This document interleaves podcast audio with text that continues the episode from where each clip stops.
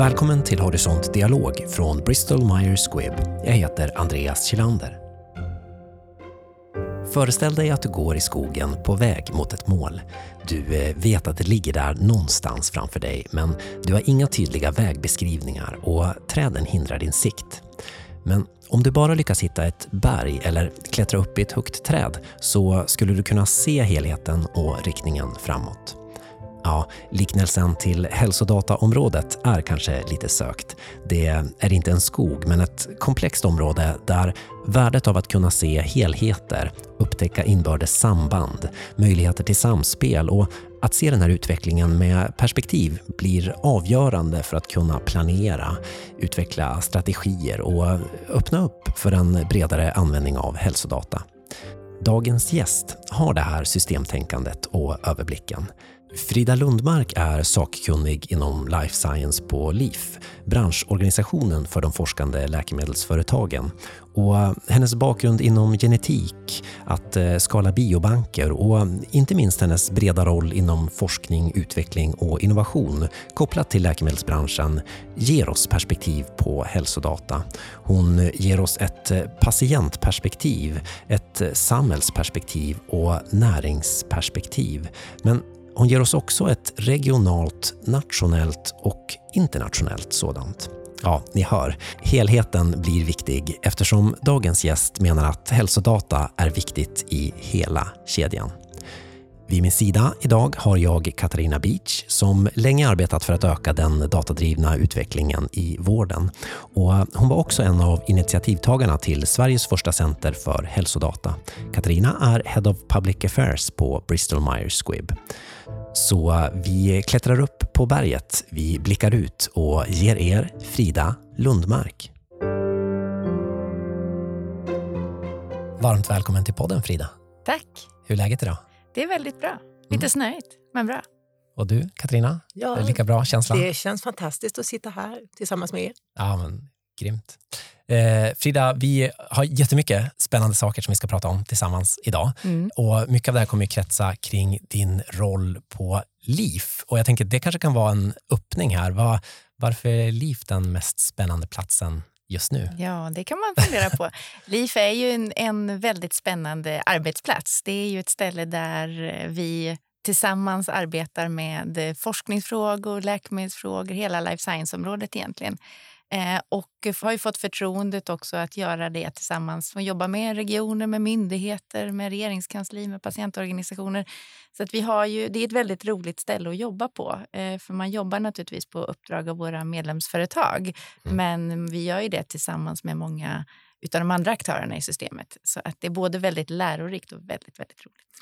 Jag tänker mig, Frida, de som inte känner till LIF så väl, mm. det är mm. inte alla som gör. Nej. Är det så att ni, var befinner ni er? Är det så att ni finns här i, i stan eller ni är på annat håll? Hur, hur jobbar ni? Berätta vi, lite. LIF som branschorganisation, vi har vårt kontor på Sveavägen i Stockholm. Men sen så jobbar vi också på, på den nationella nivån men också på den regionala nivån. Så det finns regionala LIF-grupperingar runt om i Sverige för att vi ska fånga upp de här frågorna på, på alla olika nivåer. Och nu har vi dessutom fått en internationell chef också i, i den tidigare life science-samordnaren, Jenny Nordborg, som har kommit till oss. Så att nu har vi steppat upp vårt internationella arbete också, så nu ska vi vara uppkopplade på alla tre nivåerna. Så mycket muskler helt enkelt. Eller hur? Ja. Jättespännande. Och så har ni en ny vd i form av Johan. Ja, ja, han kommer första mars. Det blir jättespännande. Då kommer det nya erfarenheter och nya kompetenser och nya kunskaper in till vår organisation. Det ska bli väldigt, väldigt roligt. Mm. Det ser vi fram emot. Kul. Och det mm. händer ju saker i branschen eller i, i världen i stort. Vissa tar ju till ordet paradigmskifte inom hälso och sjukvården. Vad puttrar er Gryta på liv just nu kopplat till till allt. Till, till alltet, till alltet. Det puttrar ju väldigt, väldigt mycket. Men tittar man på, på de frågor som jag framförallt jobbar med som kopplar till life science, forskning och innovation så händer det otroligt mycket. Vi har hela utvecklingen av precisionsmedicin och omställningen till en mer modern hälso och sjukvård. Vi har det som vi ska prata om idag kanske då, kopplat till hälsodata, vilka möjligheter det ger, vilka utmaningar vi har, men hur skillnaden ser ut kanske idag mot för några år sedan och inte minst eh, kliniska prövningar som också blir allt mer tydligt att det blir ett väldigt, väldigt viktigt verktyg för att vi ska kunna ge patienter tillgång till nya behandlingar tidigt. Och då tänker jag så här spontant, hur kan man bara sortera all den här massan? Som, ja, det kan ju vara både, det är både en utmaning och en möjlighet. Men det som är finessen med det här det är väl att när man jobbar med det så inser man att de här frågorna hänger ju så väldigt, väldigt nära ihop. Vi kan inte göra en implementering av precisionsmedicin om vi inte har tillgång till hälsodata. Vi kommer inte kunna attrahera kliniska prövningar om vi inte har en eh, hälso och sjukvård som är anpassad utifrån ett precisionsmedicinskt baserat arbetssätt, vilket ställer krav på tillgång till hälsodata. Så de här är så väldigt, väldigt tätt sammanvävda. Eh, så det gör ju att det här är, de, de, de stärker och styrker varandra, vilket mm. gör att de är väldigt, det är väldigt roliga frågor att jobba med. För man får vara inne och grotta i både de här 90 detaljerna och samtidigt får man vara i det här helikopterperspektivet. Så det, det är roligt. Mm. Mm. Och då är jag glad att du nämner hälsodata själv där. Här är ju verkligen en säga, spindeln i nätet, även om det är liksom svårt kanske att sätta exakt fingret på vad det är. För du, du beskriver värdet av hälsodata ur två, tre dimensioner direkt där. Mm. Tänker också i sättet vi kan eh, ja, men, skapa bättre lagar, bara vi vet eh, mm. Vad det vi vill ja, göra. Ja, men exakt, bara mm. vi har tillgång till den här hälsodatan. Men kan vi börja där med din definition av hälsodata, hur du ser på det och kanske också vad det innebär att vara datadriven? Mm. Det där är en väldigt, väldigt bra fråga. Definitionen av hälsodata. För det kanske är just utmaningen att vi pratar om hälsodata som klump. Eh, att det kanske är det som gör att vi har haft en del utmaningar att komma vidare. För när vi pratar hälsodata så har vi en tendens att liksom klabba in allting. Det är hälsodataregister, det är kvalitetsregister, det är den information som finns i journalsystemen i hälso och sjukvården. Det är den data som vi som individer själva genererar, det är patientgenererade. Det är liksom allt på en och samma gång när vi bakar in det i begreppet hälsodata. Så att ibland så försöker vi eh, mer och mer börjar prata om att vi kanske inte ska prata om hälsodata som den här klumpen av data utan vi kanske behöver bli lite mer distinkta och dela upp den i vad faktiskt vi menar. För oftast så kanske det faktiskt är hälso och sjukvårdsgenererad data vi pratar om när vi pratar om hälsodata. Det är den där mm. datan som vi vill komma åt som finns i hälso och sjukvårdens informationssystem, i journalsystemen eller i kvalitetsregistren. Så vi skulle nog behöva kanske bli lite mer specifika och inte prata om hälsodata som den där klumpen. Men det kanske är så också att ju mer man börjar jobba med en fråga så ser man det. I början kanske det är viktigt att ha en terminologi, att så här skiljer mm. det från allting annat. Men så småningom när man faktiskt börjar komma någon vart i, i utvecklingsarbetet, då är det också så att behoven blir tydligare. Så är det ju. Och att man vet precis det som du är inne på Andreas, det här, vad, vad är det vi vill göra då? Vilka mm. förändringar vi vill göra? Då behöver vi veta vilken data är det vi pratar om. Mm. För de här olika datakällorna Eh, och beroende på vad vi vill använda dem till kräver ju olika typer av kanske lagändringar eller andra typer av tekniska lösningar. Så det är inte one size fits all som det sällan är, utan man behöver göra lite olika Eh, justeringar utifrån vilket ändamål, det vill säga vad ska man använda det till och vem är det som ska använda det? Då tänker jag där du började med att beskriva vad din arbetsroll är. Det blir ju oerhört viktigt då som en sån spindelfunktion att hjälpa de människorna som kanske inte har hela det här helhetsperspektivet.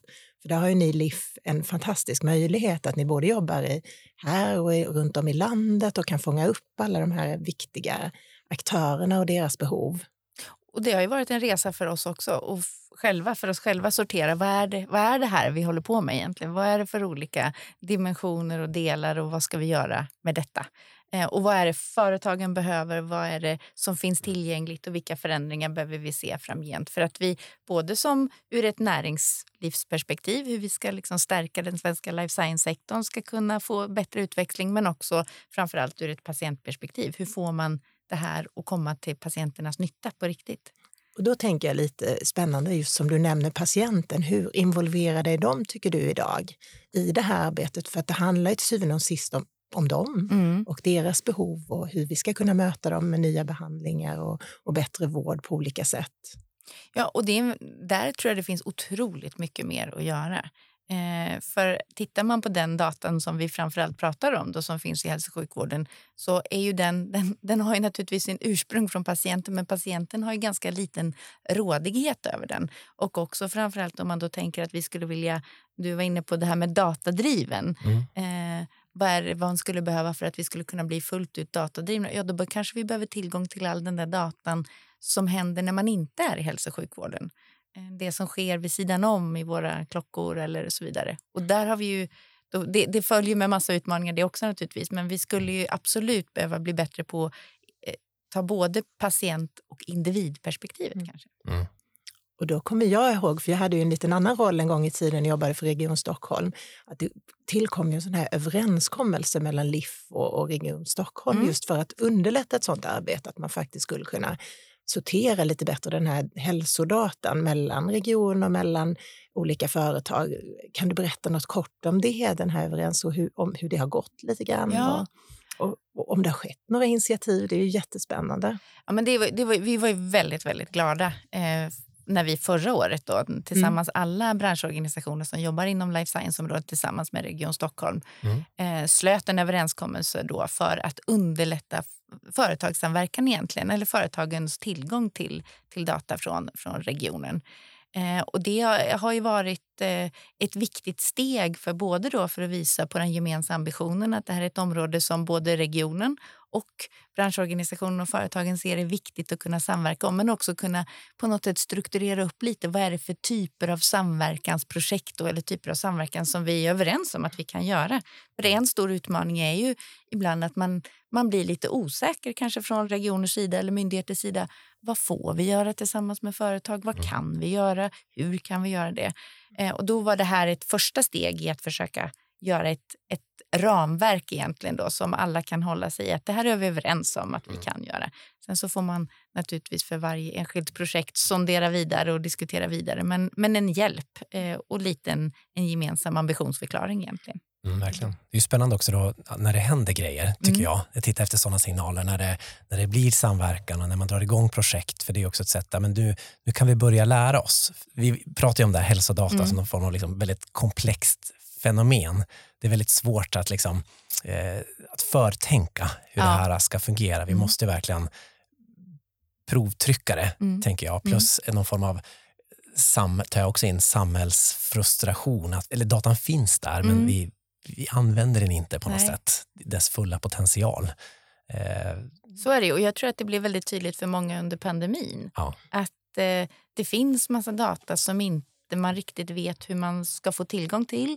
Och får man få tillgång till den och hur kan man använda den? Så det var mycket information som man från början inte använde fullt ut och som kanske, det vet vi ju inte, men hade kanske gjort att man hade tagit andra beslut vid andra tidpunkter eventuellt. Så det är väl en, en lärdom som jag tror alla aktörer har dragit att, att eh, det där är, det är viktigt med, med att snabbt kunna få tillgång och snabbt kunna använda data på ett effektivt sätt. Ser du att det momentumet finns kvar? För jag tänker mig, jag upplever också att det var en, en väldig acceleration i digitaliseringsfrågor och att man blev bekväm. Flera samhällsgrupper och så som inte hade använt mm. sig av digitala verktyg blev, gjorde ju plötsligt det. Mm. Tycker du att det är fortfarande lite så när det gäller hälsodatafrågan att man har nytta av den här accelerationen? Jag skulle säga att det är väl lite båda och. I vissa delar mm. tror jag att vi mm. ganska snabbt... Det är mm. väl bara att titta på sig själv i sitt eget personliga beteende. Man trillar ganska snabbt tillbaka till sina gamla mönster. Man tänkte här kommer aldrig, kommer aldrig göra så där igen. Jo, ja.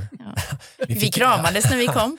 Tänkte man så här, kommer aldrig hända att jag kommer att göra sen. Det, jo då, det känns trevligt. vi fick i alla fall en fin lektion tycker jag är i värdet av vad som händer när vi delar data med varandra. Om man mm. tänker under pandemin. Mm. Med faktiskt tillgång. Ja, men, Anders Tegnell pratade om att hur man jobbar då i ett arbetssätt efter bästa tillgängliga kunskap. Ja. Och att de här datakällorna gemensamt som blev av bättre och bättre kvalitet. Självklart finns det alltid förbättringsområden men, men den gav ju verkligen oss en lektion i värdet av hälsodata mm. när den betyder som mest. Och Det är egentligen precis det vi pratar om när vi pratar om precisionsmedicin till exempel hela tiden använda den bäst tillgängliga datan på det bästa sättet. Så det, det är ju ett, ett eh, genomgående arbetssätt som jag tror man för första gången på riktigt på den nationella nivån började applicera eh, i realtid. Mm. Mm. Och jag tänker mig också att data tillgängliggör eh, vård och andra saker, behandlingar och information på ett sätt som kan vara komplement till allt det andra på mm. ett jättespännande sätt. Och det är väl det man ändå kunde märka under pandemin. Mm. Att sådant som vi faktiskt förut hade fysiskt varit så bundna till kunde göras på olika och nya sätt genom digitala verktyg och tjänster, appar, vad det nu var för någonting. Mm. Ja, inte minst genomförandet av kliniska prövningar ställdes ju på sin spets eh, under pandemin och helt plötsligt så börjar man, när man tvingas till att hitta nya lösningar, då gör man ju det. Vi är ju ganska innovativa Eh, och det har ju flyttat fram positionerna inom det området ganska rejält. Eh, och där tror jag att det, där gäller det verkligen att hålla i nu så att man tar nästa steg och inte fastnar i, i, i det. För där, det har ju också möjliggjort att patienter på andra ställen på ett mer jämlikt sätt kan delta i prövningar och få tillgång till läkemedel och så vidare. Så det, där har ju möjligheterna med hälsodata verkligen visat på att det här och nu spelar roll. Då kommer jag in på det här igen, att ni är lite mitt i, ni träffar många olika aktörer. Hinner lagstiftaren med i det här, tycker du, med allt det som sker, just för att inte tappa momentum? Ja, men det där är, det är väl någon slags eh, nyckelfråga. Och ja. Tittar man på vår hälsodatareglering så är den väldigt gammal. Så det är klart att den inte har hängt med. Eh, och lagstiftningen ska väl inte vara alltför snabb i vändningarna, så är det ju. Men det är klart Nej. att här behövs det ju. Här har det skett en enorm teknikutveckling, eh, inte minst under senare år. Så det är klart att här behöver man ju se till att man har ett, ett ändamålsenligt regelverk som är up to date. Eh, och där har ju regeringen initierat ett flertal utredningar som pågår just nu. Så att man är ju på tårna här och försöker verkligen se till nu att anpassa regelverket till dels den rådande situationen där vi, där vi står men också mm. kanske, hoppas jag, också ett, ett regelverk som blir mer agilt i den meningen att det är följsamt till, till den utveckling som går så snabbt också så att man inte direkt fastnar i att lagstiftningen blir föråldrad. Mm. Ja, det kommer ju ett spännande nu i dagarna om sammanhållen vård och journalföring. Det är ju en sån mm. utveckling där man då har möjliggjort att man kan följa patienterna och kommer att kunna följa patienterna bättre. Och det är oerhört viktigt mm. genom att använda sig av den datan som vi då kan samla från olika aktörer. Mm. Ja, det är ju, jag skulle säga att det är alldeles nödvändigt att göra det. Och tittar man på också vad som händer på EU-nivå nu där kommissionen har lagt ett väldigt, får man ju säga, vågat förslag om ett europeiskt hälsodatautrymme mm, eh, så, så visar man ju från europeiskt håll att var ambitionen ligger någonstans. Och det från vår sida och från våra medlemsföretag så är vi väldigt positiva och, och välkomnar ett sånt initiativ. Sen så klart att det kommer ta ett tag innan man har förhandlat igenom det Eh, och fått det på plats. Men det blir också ett sätt att, att, så att säga, trycka på den, det arbete som sker på nationell nivå. Så det är, mm, skulle jag tro att en, också en, en viktig morot för, för regeringen i att man också fått igång de här utredningarna. Man har en utredning som tittar på möjligheten att använda den data som man har samlat in inom hälso och sjukvården för andra ändamål, till exempel forskning och innovation. Eh, och det är precis dit vi behöver komma och då måste man ju också göra det där ganska tunga och kanske i viss del då man kan tycka lite trista utredningsarbetet och verkligen gräva fram, som du var inne på, vad är det exakt vi behöver ändra för att vi ska kunna göra det vi vill? Ja, men precis. Få frågan rätt uppmärksamhet då, för vi hade ju en pandemi som sagt som gav, eh, som satte också fokus. Vi satt hälsan väldigt högt på agendan och mm. den förtjänar sin givna plats där i toppen. Men nu har vi en verkligen en turbulent omvärld. Vi har ja. liksom, energifrågan är kanske ja. högst på agendan eller politiska ledarskapet. Mm. Det händer ju grejer. Mm. Får den här frågan, tycker du den uppmärksamheten förtjänar? Eller? Det är lite förmätet att säga att vi borde prata mer hälsodata när vi har en, en omvärld som är mm. minst sagt turbulent. Mm. Ja. Men det är klart att, att frågan kring data av olika slag blir ju viktig i den här situationen som vi är. Men jag tror att det också gör att vi behöver vara extra noggranna med och vaksamma på hur vi tar oss an den frågan. För den typen av data vi pratar om här, det är väldigt känsliga persondata som handlar om min och allas vår hälsa. Och där tror jag att vi också gäller att vi verkligen behåller medborgarna och invånarnas eh, förtroende i hur man hanterar och använder den datan så att man håller sig på en väldigt tydlig linje där vad det gäller integritet, etik och säkerhet. så att säga. Mm. Eh, så att det, det, är, det finns både stora möjligheter men det gäller också att vi verkligen eh, håller, håller fokus här så att vi inte mm. eh, trillar snett mm. i en sån. Och där tänker jag, men det, det, är väl en väldigt viktig poäng då från EUs perspektiv att man just tar en sån här fråga. För att mm. data har ju inga gränser utan det är ju precis som andra friheter och rörligheter som finns inom EU så är data inte bundet till en just en plats utan den kan ju förflytta sig. Så det finns ju verkligen en poäng i, när man mm. har en ganska orolig omvärld, att man tar det här samlade greppet. Mm. Absolut. Samtidigt som, som vår nationella lagstiftning är väldigt tydlig med var, var den här datan finns någonstans. Så det, jag tycker det är bra att man nu försöker liksom koppla ihop den eh, europeiska nivån med den nationella nivån. Och där har vi ju då mm. i Sverige ett arbete att göra med att då se till att den regionala nivån kommer upp till den nationella nivån så att vi kan vara med i den europeiska. Så det är, det är några olika trappsteg här som Men vi ska verkligen. igenom. Sveriges position där då kontra våra grannar. Mm. Hur, eh, hur ligger vi till där och vad, vad kan tala till vår fördel?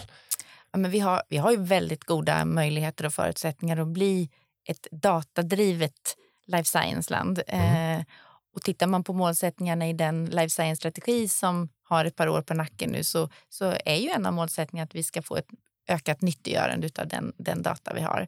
Man brukar ofta peka på våra nordiska grannländer som föregångsland, att man har kommit väldigt mycket längre. I vissa delar i Finland har man en annan typ av lagstiftning. I Danmark har man tagit olika typer av centruminitiativ och så vidare. Mm. Men, men tittar man på det som också har hänt i Sverige så är det, vi, vi är inte så dåliga som vi kanske ibland vill ge sken av att vi är. Det vi inte är så bra på det är att paketera vad vi faktiskt har och gör och binda ihop de här olika delarna som vi faktiskt har. Eh, det är man väldigt bra på i Danmark. Där, där paketerar man först och gör sen. Och vi, vi ska liksom ha allting färdigt och klart innan vi riktigt säljer in vad vi gör. Men jag skulle säga med de förutsättningar vi har vad det gäller tillgång egentligen då till vilka datakällor som finns mm. så har vi ju enorma möjligheter att bedriva forskning här som man inte kan göra någon annanstans. Men vi behöver se till att vi har ett regelverk som, som möjliggör det på, på ett annat sätt. Då. Naturligtvis med integritet och säkerhet och etik i, i fokus. Men det finns ju fantastiska möjligheter att forska fram nya läkemedel och ny diagnostik här som inte går att göra någon annanstans. Och det är ju eh, någonting vi ska ta tillvara. Mm. Och era medlemmar, de är, det är ju de forskande läkemedelsföretagen. Ja. Och nu är du inne på det här, men varför är hälsodata viktigt för dem? Det är viktigt i ganska många olika delar, skulle jag säga, eller i stora delar utav, eh, om man då tittar på forskande läkemedelsföretag, så blir det naturligtvis eh, ganska uppenbart viktigt när man ska forska fram de här nya läkemedlen. Man behöver tillgång till data för att veta hur de här sjukdomarna beter sig, hur patientgrupperna ser ut, vad är det som är karaktäriser karaktäriserar dem och så vidare. Men det är inte bara i själva forskningsfasen utan det är också under den kliniska utvecklingen men också när läkemedlet är godkänt och finns ute på marknaden så vill man ju följa upp, utvärdera, vidareutveckla. Så att tillgång till hälsodata är viktigt i hela kedjan av läkemedelsutveckling och tillgängliggörande av läkemedel. Så att eh, eh, genom att ha en lagstiftning och regelverk och strukturer inte minst eh, som möjliggör att man kan få tillgång till data. Det gör ju också att man blir ett väldigt attraktivt land för våra medlemsföretag att förlägga aktiviteter till. Mm. Och där tänker jag väl koppla till vår tradition med kvalitetsregister, att vi är vana vid att strukturera och systematisera. Mm. Och att vi har väldigt uppbyggda system för att jobba på det här sättet. Det i sig är väldigt attraktivt att vi kan jobba systematiskt. Och jag tänker också med tanke på att vi är en innovationsnation, om man kopplar de här två sakerna tillsammans, mm, så är ju förutsättningarna fantastiska, precis mm, som du mm. beskriver med allt det där andra. Så sammantaget så pappret ser det ju fantastiskt bra ut och också i verkligheten. Ja, Samtidigt som vi behöver se till att vara på tårna hela tiden. Den är, som du nämnde Katarina med vår överenskommelse, den är ju ett viktigt steg. Vi behöver också hela tiden jobba med den här frågan och relationen med hälso och sjukvården. Det är inte alltid, ska man väl vara helt ärlig, helt friktionsfritt Nej. för hälso och sjukvården och samverka med, med läkemedelsföretag. Eh, det finns en, en viss... Eh, man kan vara lite bekymrad över det och det behöver vi visa att det här är någonting som vi gör tillsammans. Det finns ett gemensamt värde i det här och vi kan jobba eh, på lika villkor. Och det, det är viktigt. Vi behöver liksom, det är en ständig, ständig fråga vi behöver jobba med tillsammans. Och där tror jag ju så att man har en överenskommelse och har ramar. Det i sig ger ju en trygghet. För då har man ju någonting att luta sig emot. Det är ju det att, att man ska göra likadant lite grann på alla ställen så att inte vissa har fördelar mot andra. Jag tror att just att, att sätta tydliga riktmärken eller spelregler är ju en viktig del i att man ska öka den här tryggheten från allas håll så att mm. säga. Och vi har ju i Sverige är vi ju duktiga på samverkan. Vi har ju, mm. tittar man och jämför med hur, hur det kanske är i andra europeiska länder och nordiska länder, hur man jobbar mellan eh, läkemedelsföretagen till exempel, hälso och sjukvården och myndigheter så ligger vi ju långt fram. Vi har ju ett väldigt öppet diskussionsklimat. Vi, vi är vana att samverka, jobba i samverkansprojekt tillsammans. Och det är ju också en, någonting som vi, den kulturen ska vi vara rädda om. Eh, för den är också en konkurrensfördel verkligen. Mm. Mm. Man pratar ofta om, tycker jag i alla fall, i sammanhangen när man pratar hälsodata, hur ja, men, hälso och sjukvården måste förändras och så vidare. Men om man vänder den frågan lite tillbaks, hur behöver läkemedelsbolagen förändras? Vad mm. behöver de göra kopplat till, ja, men, för deras arbetssätt eh, och processer förändras ju också ja. med det här. Och det, vi går hela tiden mot, mot läkemedel som är mer specifika, mer segmenterade och så vidare, vilket gör att det ställer naturligtvis också nya krav på kompetens i företagen kring hälsodata, hur man använder det, vad behöver man tillgång till, vilka möjligheter och så vidare. Mm. Och den andra frågan som vi kanske inte pratar så mycket om, det är också företagens möjlighet att dela med sig av den data man själv har. Mm. Eh, och det här utbytet av data, eh, det, det är en fråga som har börjat komma mer på tapeten nu under senare år men som, som vi inte har pratat så mycket om tidigare. Jag tror att det här samspelet, när vi pratar om, inte minst då utifrån det här europeiska kommissionens förslag kring ett europeiskt hälsodatautrymme, där pratar man ju just om alla olika aktörers möjlighet att, eh, att dela med sig av data. Mm ett eh, exempel från en helt annan bransch, mm. fordonsindustrin. Där gick ju Volvo Cars ut och delade med sig, de har något som heter EVA Initiative, där man delar med sig av krockstatistik. Jag säger säkert fel, men det, ni förstår vad jag menar. Mm. Eh, I och med att de har forskat mycket längre på hur kvinnor utsätts på olika sätt när man krockar, vilket inte de andra fordonstillverkarna hade gjort. Då delade man då den databasen mm. för att avancera the greater good. Just så att det. säga. Och där tror jag det, här finns det ju väldigt mycket vi, vi, skulle kunna vidareutveckla. För det finns områden där vi kan jobba prekompetitivt som man säger. Det, det vill ja. säga där man inte är inne i själva eh, konkurrenssituationerna utan man kan jobba i den här, som du säger, for the greater good eller i den tidiga eh, sjukdomsförståelsen och så vidare. Som man, där man också har en stor vilja från företagen att, att kunna dela med sig. Man behöver hitta modellerna för det, strukturen för det och hur det ska gå till.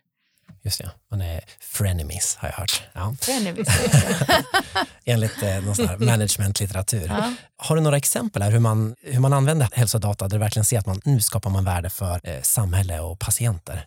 Som du liksom jag säga, det, det finns ju lite olika exempel, men ett exempel är ju när man kan använda hälsodata och den här typen av information som finns då Eh, baserat på nya diagnostikmetoder till exempel för att bättre specificera sjukdomsgrupper. Man kanske historiskt sett har sett att en diagnos är en stor bred diagnos men i praktiken så finns det många olika subdiagnoser under eller olika typer utav.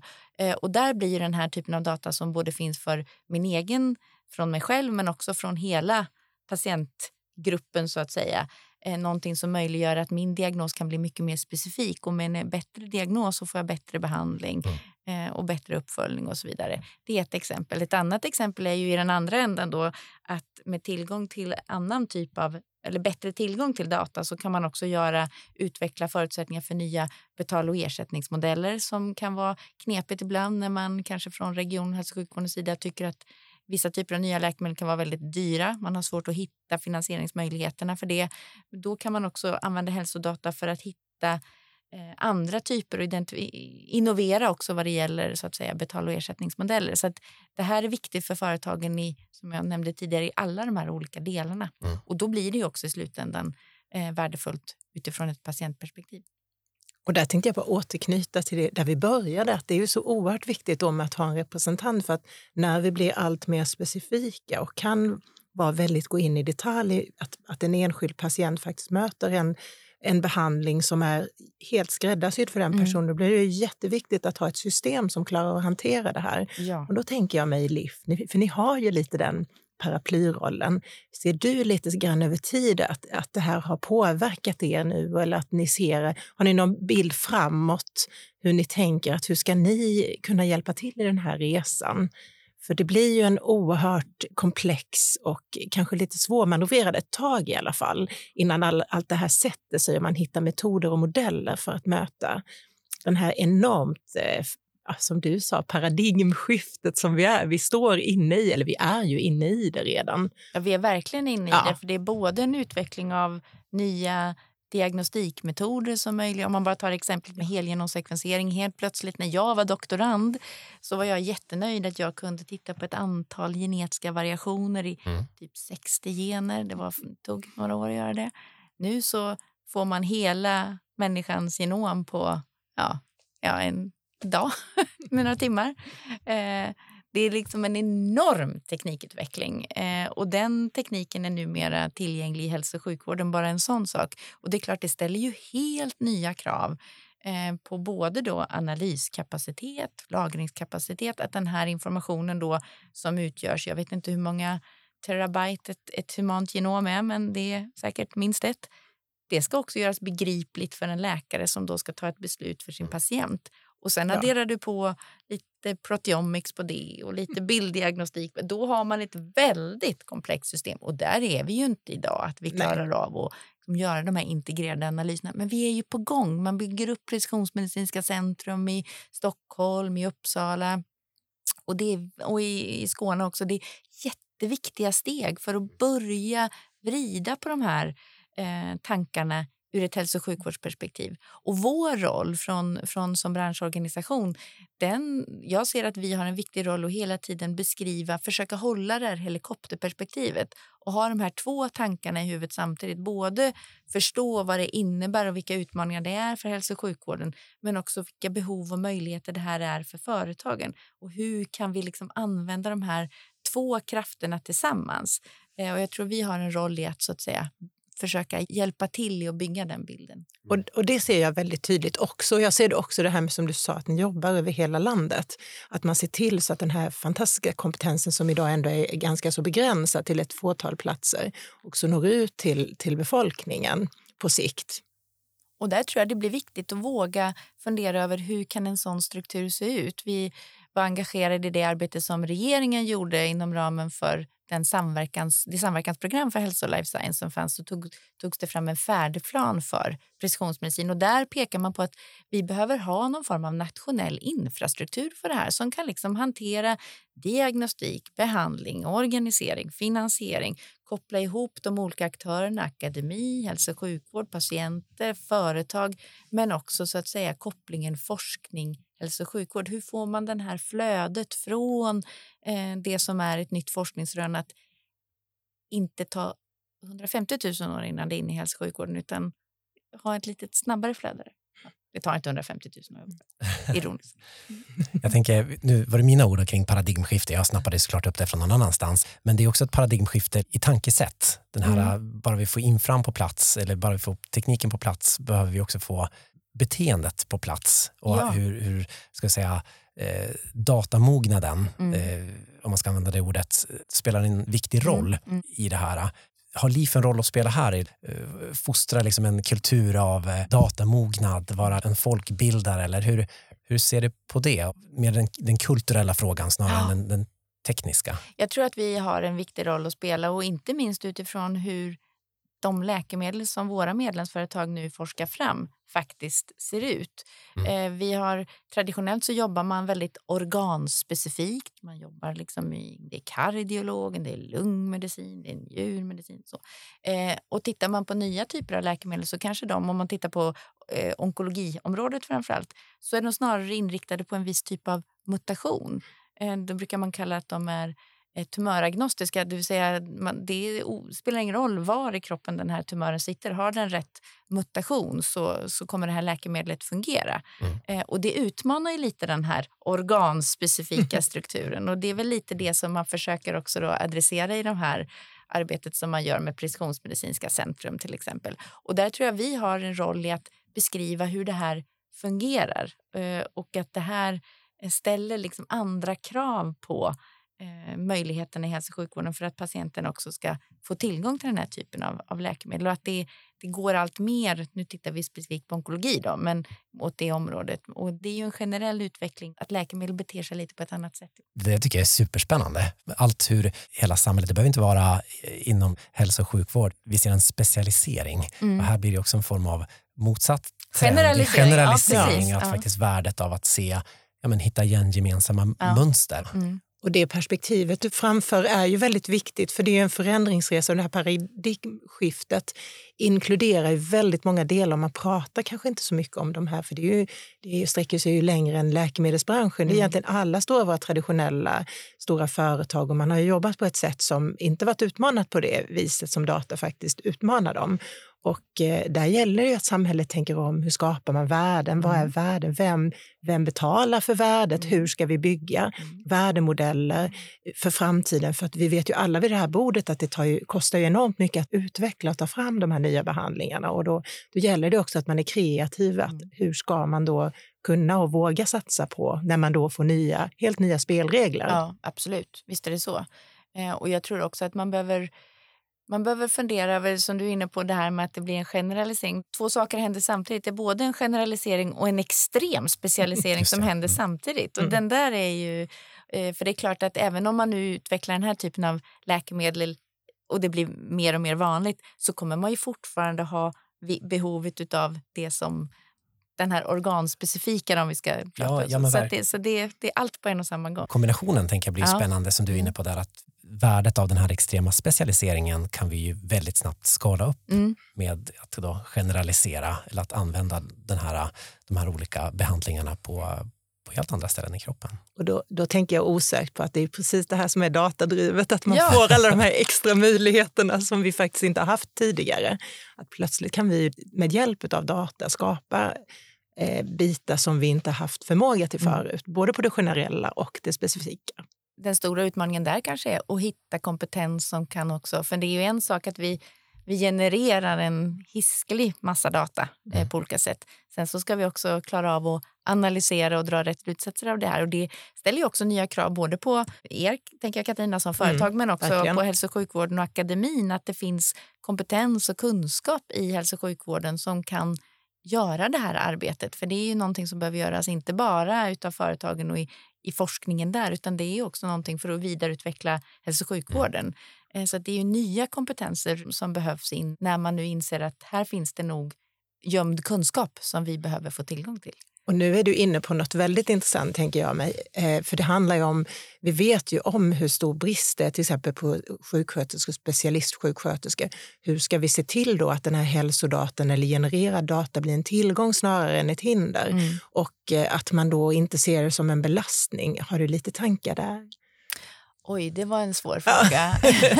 ja, den är svår. Mm, jag, tror, jag, tror inte att man, jag tror inte att det finns någon quick fix på den. Eller att, att uh, genom att vi har tillgång till data så löser vi bemanningsproblematiken i hälso och sjukvården. Jag tror inte att det är kanske så enkelt. Men det är klart, på sikt så är det väl också så att den data som, vi, som genereras Eh, och med en ökad analyskapacitet och, och, när vi lär oss mer av det så kommer det ju också vara en viktig spelpunkt och pusselbit i arbetet med prevention. Mm. det är klart att en viktig del är väl, man pratar ofta om att vi lägger en väldigt, väldigt liten del av den totala hälso och sjukvårdsbudgeten på preventionsarbete och det mesta det. går till att vara reaktiva istället för att vara proaktiva.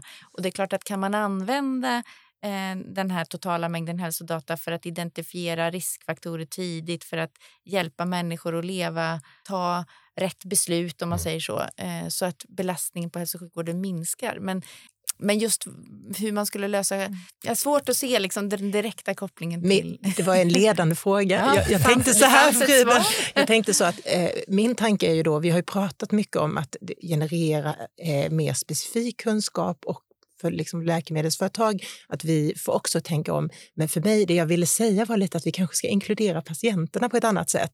Eh, för jag tror att med data och med datadrivet så kan man ju som patient också jobba eller möta vården på nya sätt. Till exempel. Ja, och då tänker jag att alla lösningar behöver ju inte vara just inom vården utan att man då kanske i vissa fall eh, låter patienterna ta ett ökat ansvar eller få en annan roll i och med att de kan bli delaktiga mer när man då har en ja, men datadriven mm. vård. Kanske skriva större del av sin journal, eller om man kan såklart. Mm. Eh, så att det är ju en oerhört spännande att vi alla på den här spelplanen faktiskt kan få helt nya och andra roller och förutsättningar. Absolut. Nej, men det är ju en jättespännande tanke och jag tänker det hänger lite ihop med om man tänker att man vill jobba mer proaktivt mm. och vara lite, mm. lite före istället. Och det är klart att med ökad kunskap, om man vet vad som är riskfaktorer så kan det också vara lättare att, att eh, mm. ta ett större ansvar för, för sin egen hälsa samtidigt som vi behöver säkerställa att det finns tillgång till all den här hälso och sjukvården. Man kan inte kräva, Nej. jag tror inte vi kan ställa Nej. allt för stora krav på våra medmänniskor. Nej. Exakt. Eh, Frida, regeringen öppnar upp nu för en bredare användning ja. av hälsodata. Vad är det som händer framåt? Ja, det händer ju massa spännande saker. Jag hade idag faktiskt möte med den utredning som just nu pågår då för att eh, öka, se vilka, vad man behöver göra för lagändringar för att öka användningen av data, sekundäranvändning som man kallar det, då, men den mm. data som är insamlad i hälso och sjukvården för andra ändamål. Det är ju ett jätteviktigt steg. Det är ju ett stort, eh, en, en utredning som vi tycker är väldigt, väldigt angelägen. Så mm, den, eh, den ser vi ju fram emot när, när den kommer lämna sina förslag sen längre fram.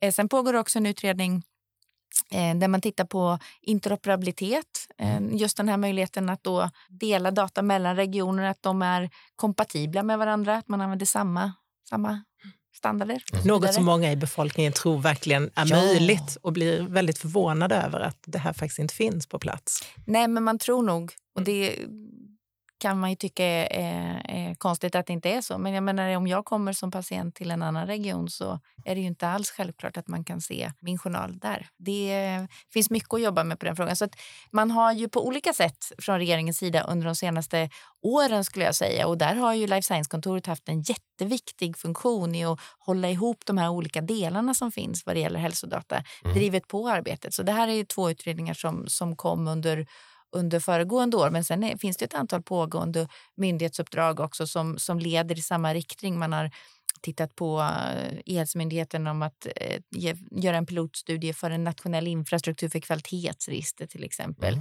Mm. Eh, man har en pilotstudie också om, om eh, ett nationellt datautrymme för mammografidata som är någon slags liksom föraning om hur det skulle kunna se ut kring ett eh, bilddataområde då, kopplat till European Health Data Space som vi var inne på tidigare. Eh, så att det finns man har tagit många viktiga steg. Och Ibland är det nyttigt att titta lite i backspegeln. Man tycker att det händer ingenting. Så tittar man också, jo det har hänt ganska mycket. Man har tagit ganska många viktiga steg eh, framåt. Så att jag hyser gott hopp. Och Eh, just att, att regeringen också är, är, positiva till den utveckling som sker då inom ramen för det europeiska initiativet är ju väldigt bra. För det betyder ju att eh, vill man ha en tätposition där, då behöver man också jobba på den nationella nivån. Så vi ser att det här, de här går ju hand i hand. Så det, det rör på sig, så mm. kan man säga. Mm. Mm. Spännande dualitet där tänker jag också då. Ja. Att få till både den utvecklingen här i Sverige och inom EU och att det faktiskt ser ut som att man man är enade i det helt enkelt. Ja, jag tror att just hälsodatafrågan känns som ganska det är inte där man bedriver Nej. plakatpolitik. För Nej. att man är över, ganska överens om att här behöver vi ju se till att få ordning på det här. Sen så är väl huret inte helt lättsnutet. Eller kanske vem. Nej, ibland. Efter, med tanke på vårt mm. Ja, men, många kockar i den här ja. sommaren. Nu har vi också EU-ordförandeskapet ja. här i Sverige. Och vi har ju frågan om den inre marknaden och främja företagens forskning på agendan. Vad tycker du vore spännande att få till?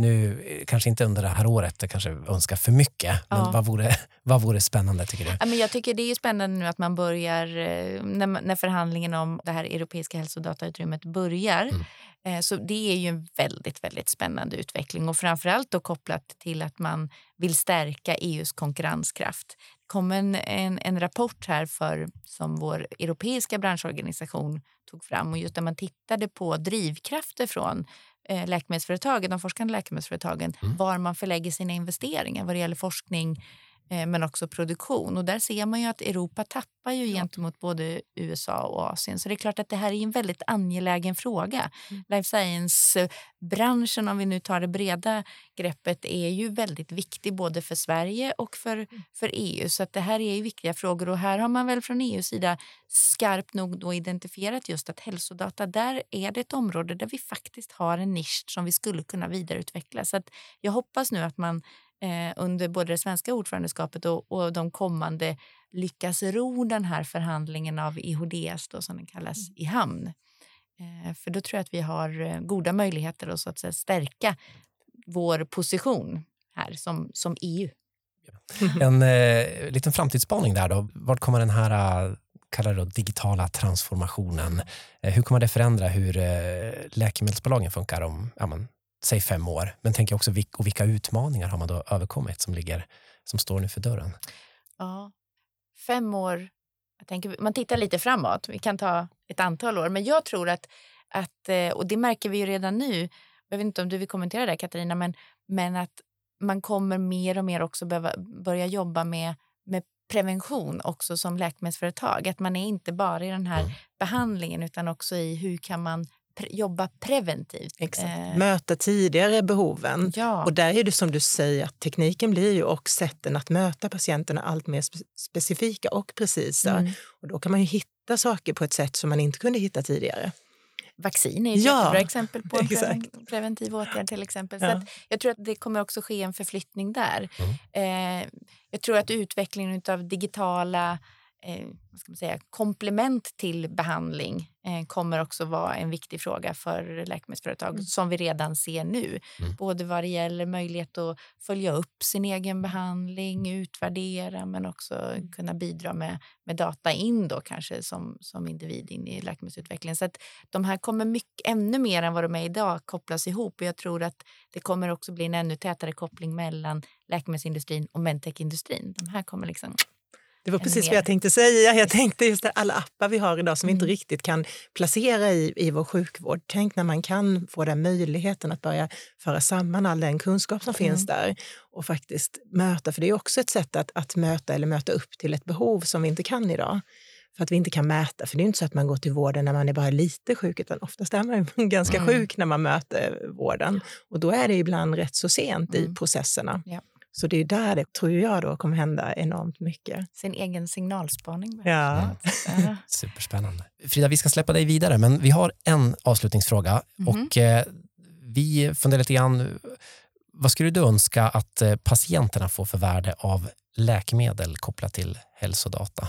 Jag är inne väldigt mycket på att sätta en period nu, så nu sätter mm. jag inom loppet av den här uh, nya mandatperioden. Okej ja, men det är bra. Då, har vi, då vet vi vart vi ska förhålla oss. Eh, jag hoppas ju till exempel då att den här utredningen som vi har pratat om, att den har presenterat sina förslag, att man har tagit dem vidare och då implementerat ett nytt regelverk som möjliggör att vi kan använda data för andra ändamål, eh, det som vi kallar sekundäranvändning. Det kommer ju innebära att man som patient då förhoppningsvis både det går snabbare med eh, utveckling av nya läkemedel kommer ju inte nya, det, den perioden är ju längre, men att man mm. ändå har påbörjat då, det har lett till nya forskningsinitiativ, men också till det som vi pratar kanske lite mer närtid, att man kan snabbare implementera nya behandlingar i hälso och sjukvården, alltså nya godkända läkemedel i hälso och sjukvården genom att den här datan också möjliggör att vi kan vara smarta och innovativa vad det gäller nya betal och ersättningsmodeller. För där har vi ju en, en utmaning och där tror jag att det finns mycket att göra som får direkt bäring på eller bäring för patienterna. ska man säga. Mm. Nej, jag är helt enig med dig. Det blir ju att förtydliga spelregler och faktiskt anpassa lite som du sa, att vi har gamla regelverk, att vi uppdaterar dem med de möjligheter som finns idag. Men sen har jag en sak till och det är den här interoperabilitetsfrågan. det är två önskningar. Då, ja, två önskningar, tre önskningar igen. Ja. Och det är ju också att, att möjligheten att dela data mellan regioner så att det blir mm. enklare som patient att vara patient i mm. Sverige. Där tror jag det, det är en väldigt viktig fråga för oss alla. Frida, stort tack för att du gästade podden. Tack själva. Det här var jätteroligt. Tack. Tack Katarina. Ja, tack. tack för att ni har lyssnat. Hej. Tack för att du har lyssnat på Frida, Katarina och mig. Vi hoppas att du fått nya tankar, inspiration och kunskap som du kan ta med dig in i din vardag och dina egna sammanhang. Blir du nyfiken på fler aktuella frågor och samtal med forskare, vårdgivare, beslutsfattare och andra så eh, rekommenderar jag att du besöker horisont.bms.se och det är Horisont med Z.